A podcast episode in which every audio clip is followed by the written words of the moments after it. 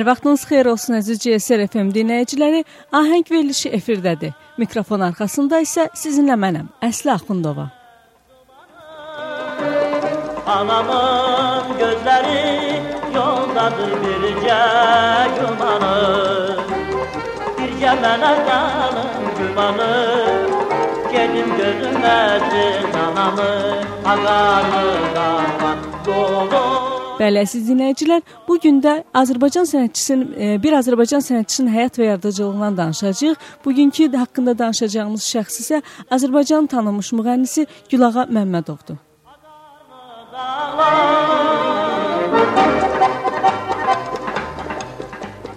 Dərələr,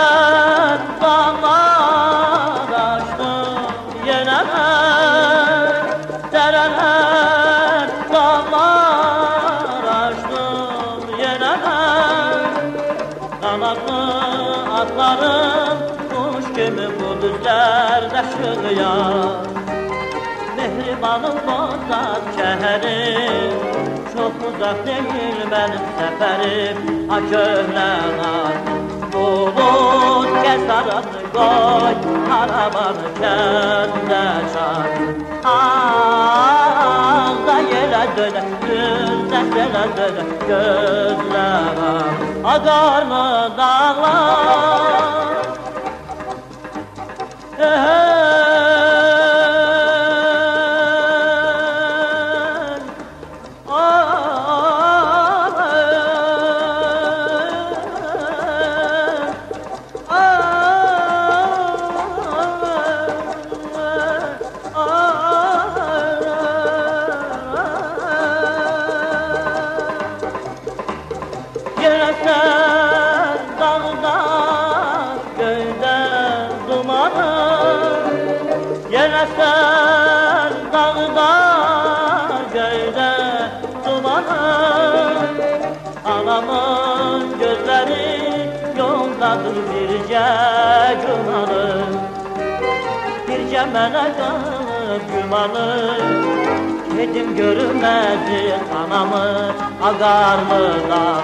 dağlar Bulut kəsdanı qoy Arabamı kəndə çar Ağızda yerə dönəcüm Nəsələdə gözlər Ağarlı dağlar Gülağa Məmmədov 1925-ci il iyunun 28-də Lənkəranın Kiçik Bəzar adlanan məhəlləsində anadan olub. Bakıda boya başa çatıb. Çox kəsib ailədə böyüyüb. Atası çəkmə tikən, anası evdar qadın olub. Kirayədə yaşayıblar.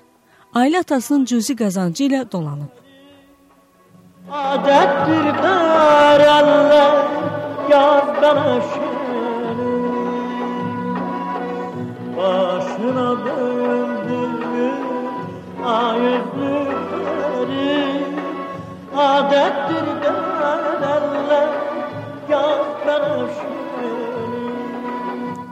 Uşaqlıqdan musiqiyə böyük maraq olan Gülağa tez-tez qonşu uşaqları başına yığıb onlara mahnı oxuyarmış. 12 yaşında olarkən təsadüfən küçələrin küçələrindən keçən bəstəkar Üzeyr Hacıbəyov məlahətli uşaq səsi eşidərək ayaq saxlayır. Üzeyir bəy Moskvada keçiriləcək Azərbaycan mədəniyyəti və incəsənəti 10 günlükünə Koroğlunun ariyasını ifa etmək üçün elə bu yaşda istedadlı uşaq axtarırmış. Gülağanın səsinə valeh olan bəstəkar həyətə keçir və onunla tanış olur. Onu opera teatrında keçiriləcək müsabiqəyə dəvət edir. Azyaşlı Gülağa Üzeyir Hacıbəyov, Bülbül, Səid Rüstəmov kimi görkəmli sənətkarların münsiflər heyətinin tərkibində olduğu müsabiqədə iştirak edir və səsi bəyənilir nana yetirmiş Seni gören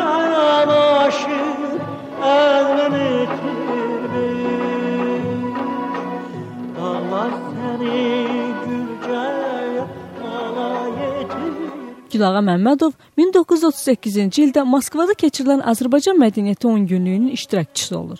Böyük teatrın səhnəsində maestro Niyazin müşayiəti ilə ifa etdiyi Koroğlunun Səni gördüm, aşiq oldum ariyası böyük alqışlarla qarşılanır. Üzeyir Hacıbəyov onun ailəsi, yaşam tərzi haqqında bütün məlumatları da öyrənibmiş. Moskvadan gümüş medal və fəxri fərmanla qayıtdığını eşidəndə isə Gülağanı anası ilə birgə yanına çağırır və tapşırır ki, ev seçmək üçün xoşlarına gələn ünvanı göstərsinlər. Mirzə Əliyev küçəsində yerləşən iki otaqlı həyət evi onların xoşuna gəlir. Üzeyir Hacıbəyovun dəstəyi ilə Gülağa Məmmədovun ailəsinə iki otaqlı mənzil və aya 250 manat təqaüd ayrılır.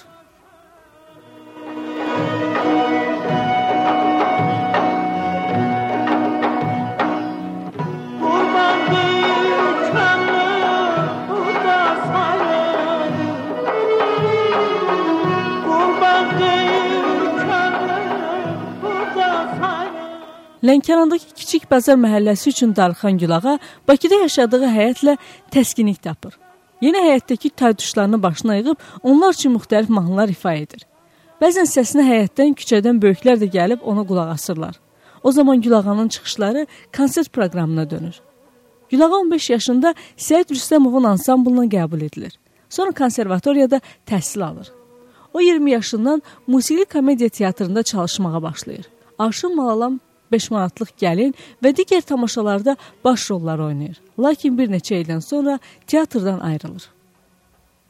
Ayrılığımı çəkib boynu əylədim Peşində görmədim düz bənəvşəni Konservatoriyada oxuduğu illərdə Gülağa vokal dərsini Bülbüldən, muğamın sirlərini isə Sarabskdən öyrənir. Oxuduğu mahnıların çoxu isə Səid Rüstəmova məxsus olurdu. Çünki Səid Rüstəmov mahnıların əksəriyyətini xüsusi olaraq Gülağa üçün yazırdı. Tofiq Quliyevin də, Cahangir Cahangirovun da əsərlərini ilk səsləndirən Gülağa Məmmədov olub. Yadıma səni ismətli dilbər yenə düşdün yadıma səni ismətli dilbər demək ki od içində yanıram axşam səhər demək ki od içində yanıram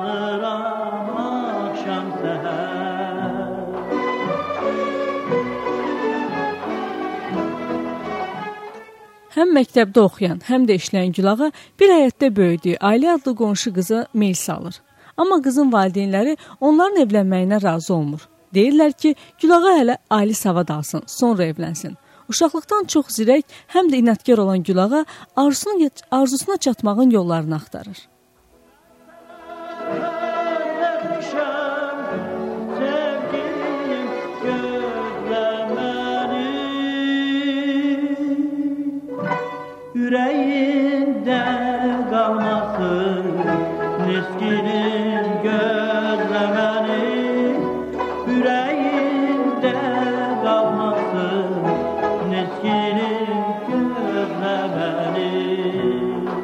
15 yaşına çatanda Böyük Vətən müharibəsi başlayır. Şövkət Ələkbərova ilə birgə döyüşçülərin qarşısında konsert proqramları ilə çıxış edir. Başlarına odalov yağa-yağa oxuyurlar. Müharibə qurtarandan sonra Gülağa evlənmək qərarına gəlir. Amma gənclərin sevdasından duyuq düşən Aliyənin dayısı onlara göz verib işıq vermir. Çarəsiz qalan Gülağa hiləyə əl atır. Bir gün sevdiyi qızdan pasportunu istəyir. Deyir ki, bütün qonşuların pasportlarını yığıram. Evlər idarəsi müdiri tapşırıb. Sən də öz pasportunu mənə ver. Vaxt keçir və Aliyə öz pasportunu geri alanda heyrətdən donub qalır. Görür ki, pasportunu evlənmələri barədə möhür vurulub. Sən demə, Aliyənin hərisini ala bilməyən Gülağa köhnə məhəllələrinə gedir. Oradan Aliyə oxşayan bir qızla danışıb razılığını alır. Onun başına yaylıq da bağlayır ki, nikah mərasimində heç kim şübhələnməsin. Nikah qeydiyyatından keçib, ailə ilə onun özündən xəbərsiz ailə qurur. Möhür vurduqdan sonra pasportu geri qaytarır.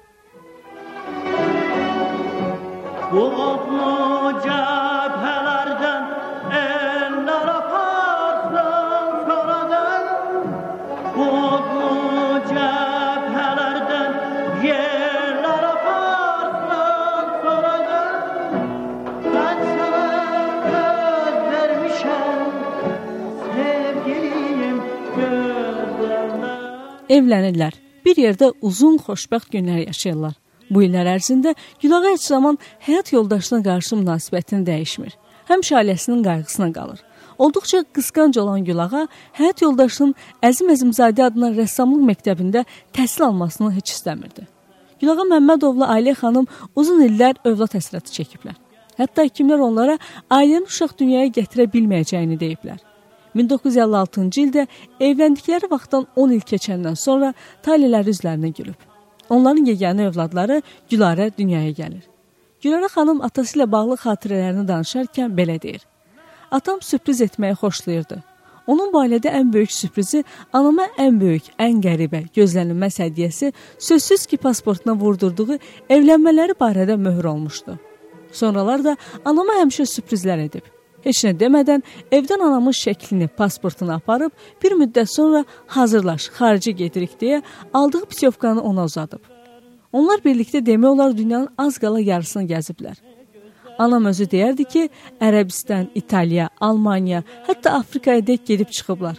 Atamı xatırlayanda tez-tez uşaqlıq illərim yadıma düşür. Məni özü ilə iş yerinə aparırdı. Artıq orada hamı məni yaxşı tanıyır, hər gəlişimi sevinclə qarşılayırdılar. Orkestrdə bir kamança çalan vardı. Mən qapıda görünən kimi kamançada adımı səsləndirərdi. Bu elə xoşuma gəlirdi ki, atam iş yerində məni dahi, dahi sənətkarlarla tanış edərdi.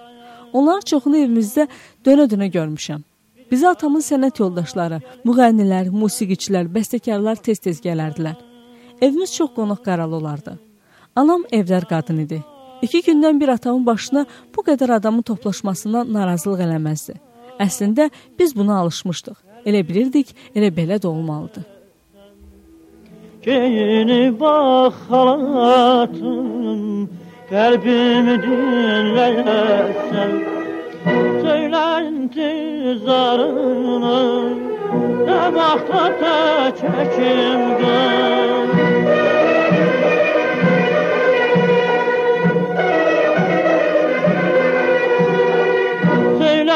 intizarını Ne vaxta təkəkim qız. Oxuyuram sənin üçün Bu nəğməni həkim qız. Oxuyuram sənin üçün Bu nəğməni həkim qız. Ah,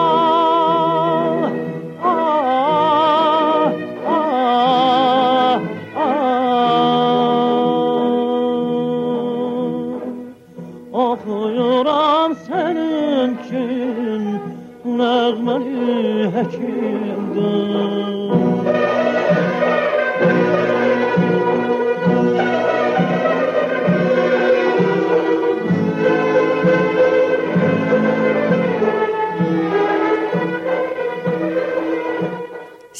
qızı atası ilə bağlı xatirəsində həm də bunları söyləyib.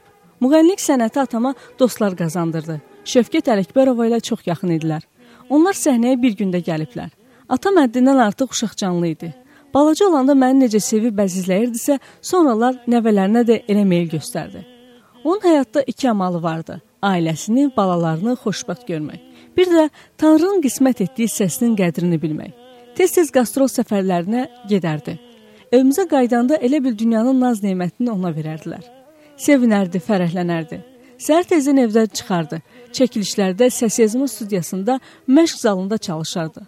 Gecə yarı gəlsə də gileylənməzdi. Çünki sənətindən həzz alardı. Əziyyəti də hədər getməmişdi. Xeyli mükafatlar almışdı. Əvvəl əməkdar, az keçmiş xalq artisti fəxri adlarına layiq görülmüşdü.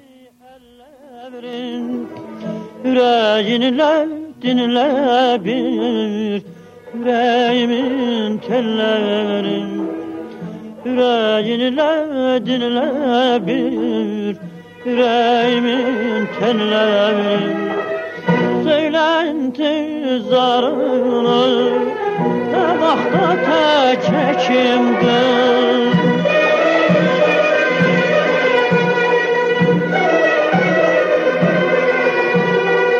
Söylentin zarını Tabakta ta çekimdir Oxuyurayım oh, senin için Bu nəğməni həkim qız Oxuyuram senin için.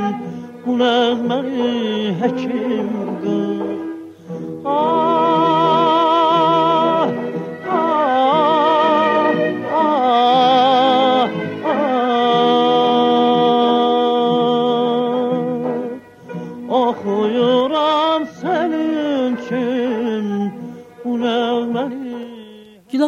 Məmmədov şirin, lakonik səsi ilə 600-dən artıq xalq və bəstəkar mahnılarını oxuyub. 15-dən çox bədii filmdə, teatr tamaşalarında xarakterik musiqi nömrələri ifa edib.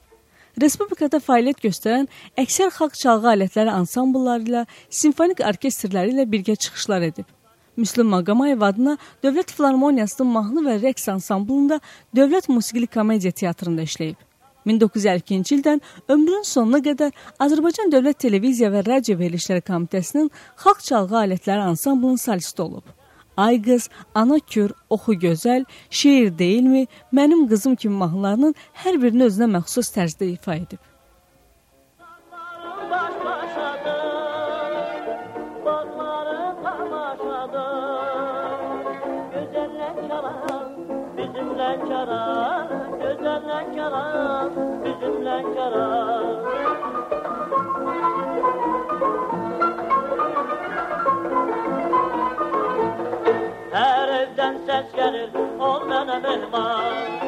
Gəlkən ətrini rəngli çayımda Hər evdən səs gəlir ol mənə mehman Gülağanın həmçinin yaxşı muğamat oxumağı olub.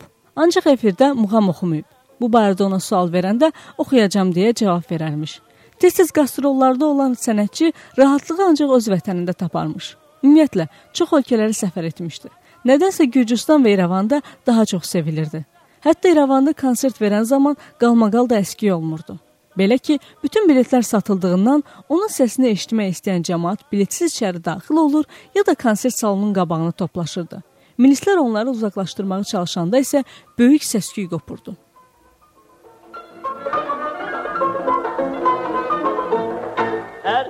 Rabbim mubabbim de her gelir. Kardeş ellerinden şad haber gelir. Her taraftan bin mubabbim de her gelir. Kardeş ellerinden şad haber gelir. Çattıkça mubarım, her yerde dostlarım açıp süpreni alırlar seni. Servetin gelir koşa, değil nerhan ol yaşa. Gəlir xoşa Deyir nə ol yaşa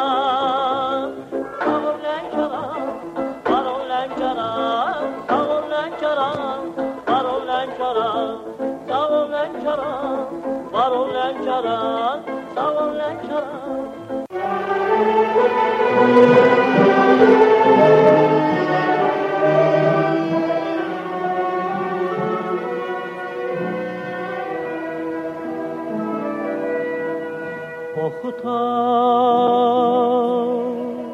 Oh,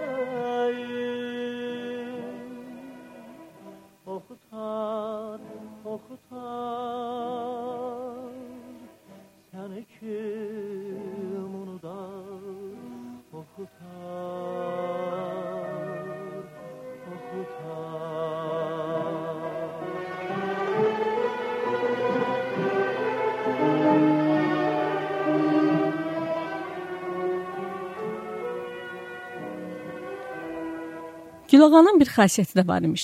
Haqsızlığa, ədalətsizliyə dözən olmayıb. Deyirlər ki, o düzgünlüyü sevirdi.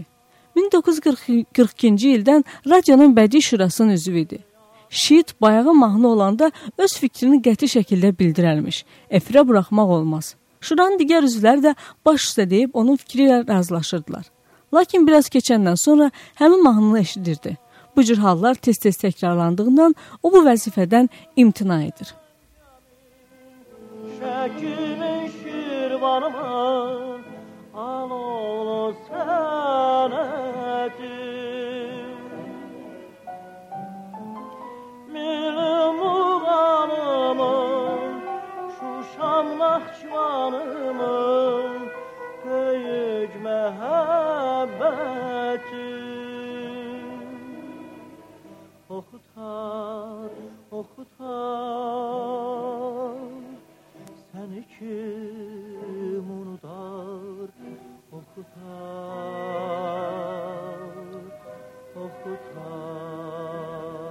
xalq artisti, bəstəkar və dirijor Nərman Əzimov Gülağa Məmmədovu görən son sənətçi dostu olub.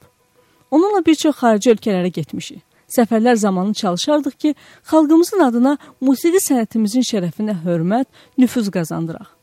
Uğurumuzun əsas səbəbkarı Gülağa olub. Onu həmişə alqışlarla qarşılayırdılar. Çoxlu dostu vardı. Səid Rüstəmov, Cahangir Cahangirov, Tofiq Quliyev, Fikrət Əmirov, Hacı xan Məmmədov və başqa bəstəkarlar onunla işləməkdən həzz alırdılar. Yaxşı xatırlayıram.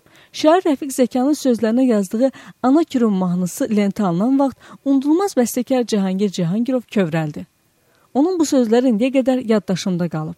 Ay Gülağa, sən avazınla şirin səsi ilə məcrasına sığmayan Dəli Kür çayını ofsuna saldın.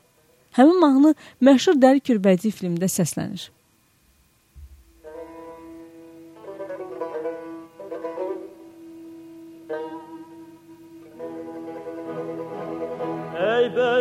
xalqımın şirin şərbəti al olmuş sənətin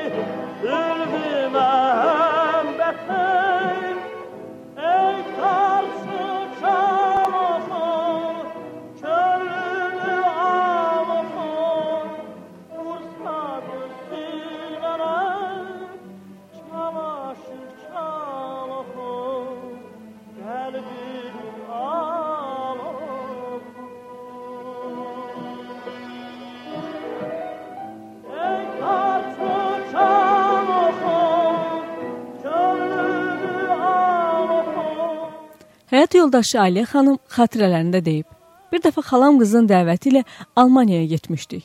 Yaqub Zurufçu gəlməyimizi eşidib yanımıza gəldi. Bir gündə xalam qızın evində qaldı.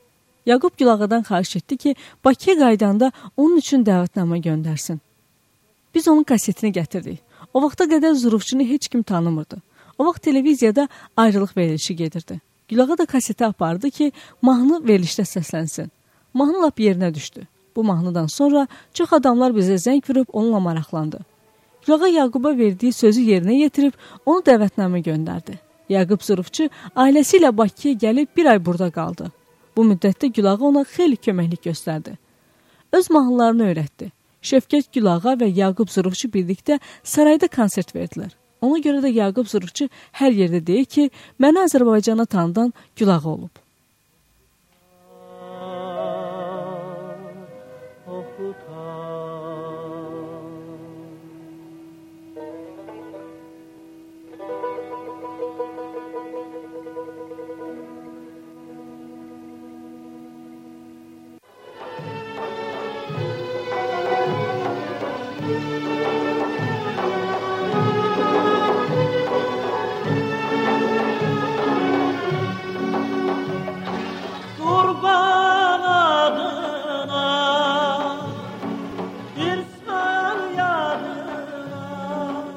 Ali xanım həmçinin həyat yoldaşı haqqında xatirələrində danışarkən bunlar da deyib. Sağlığında bircə dəfə də yubileyi keçirilmədi. Öləndən sonra isə bir dəfə Muğam teatrında xatirə gecəsini təşkil ediblər. Gördüyü diqqətsizlik Gülağa üçün ağır zərbə oldu. O bu haqsızlar, haqsızlıqlara dözə bilməyib şəkər xəstəliyinə tutuldu. Xəstəliyinə baxmayaraq son günə qədər yeni mahnılar üzərində çalışırdı. Rəhmətə gedən günə qədər orkestrla mahnı yazdırmağa gedirdi. Bir gün isə iyunun 7-sində səhər yeməyini yedikdən sonra halı pisləşdi. Ancaq təkidimə baxmayaraq işə getdi. Çünki orkestrin 60 nəfərlik kollektivi onu gözləyirdi. Yeni mahnıların məşqini etməli idilər. Həyətə təzə düşmüşdü ki, evə zəng gəldi.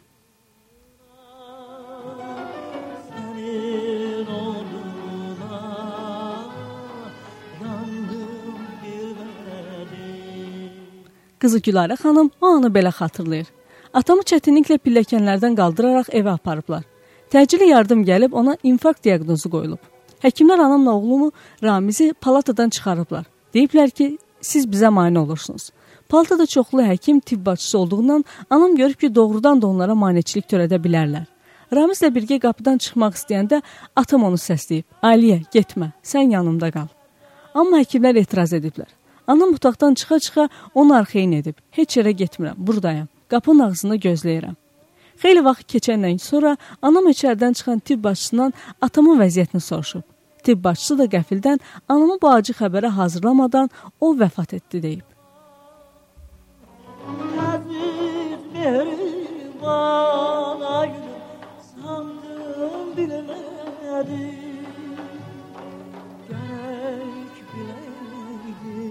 Ölümündən sonra 2002-ci ildə Azərbaycan Telefilm şirkəti Gülağa Məmmədov haqqında qısa metrajlı sənətli televiziya filmi çəkib. Bakıda çəkilən filmdə Azərbaycan Dövlət Teleradio Verilişləri şirkətinin video arxiv materiallarından istifadə olunub. Filmdə Dəli Kür filmdəki kadrlardan istifadə edilib. Filmin ssenari müəllifi Kamil Şahverdi, rejissor Elçin Musaoğlu, operator Elxan Nəbiyevdir. Filmdə bəstəkar Vaqif Mustafazadənin musiqisindən istifadə olunub. Filmdə Gülağa Məmmədovun həyat yoldaşı Aliyə Məmmədova, qızı Gülarə, nəvəsi Ramiz də iştirak edib.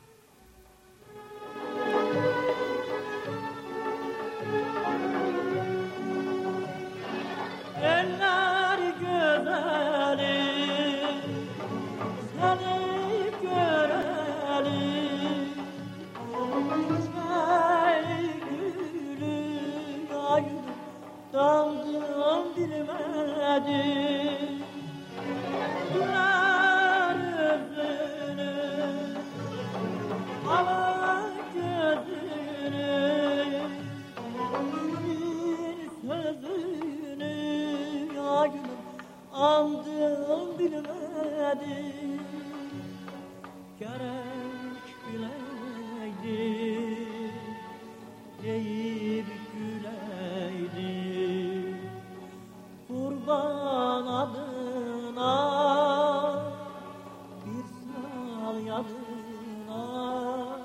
Bəli, əziz dinləyicilər, bugünlük bizə ayrılan efir müddətinin sonuna gəlib çatdıq. Bugünkü efirimizdə Azərbaycan tanınmış musiqiçisi, Azərbaycanın əsir xalq artisti Gülağa Məmmədov haqqında danışdıq. Növbəti efirlərdə eşidilmək ümidi ilə Xudafiz.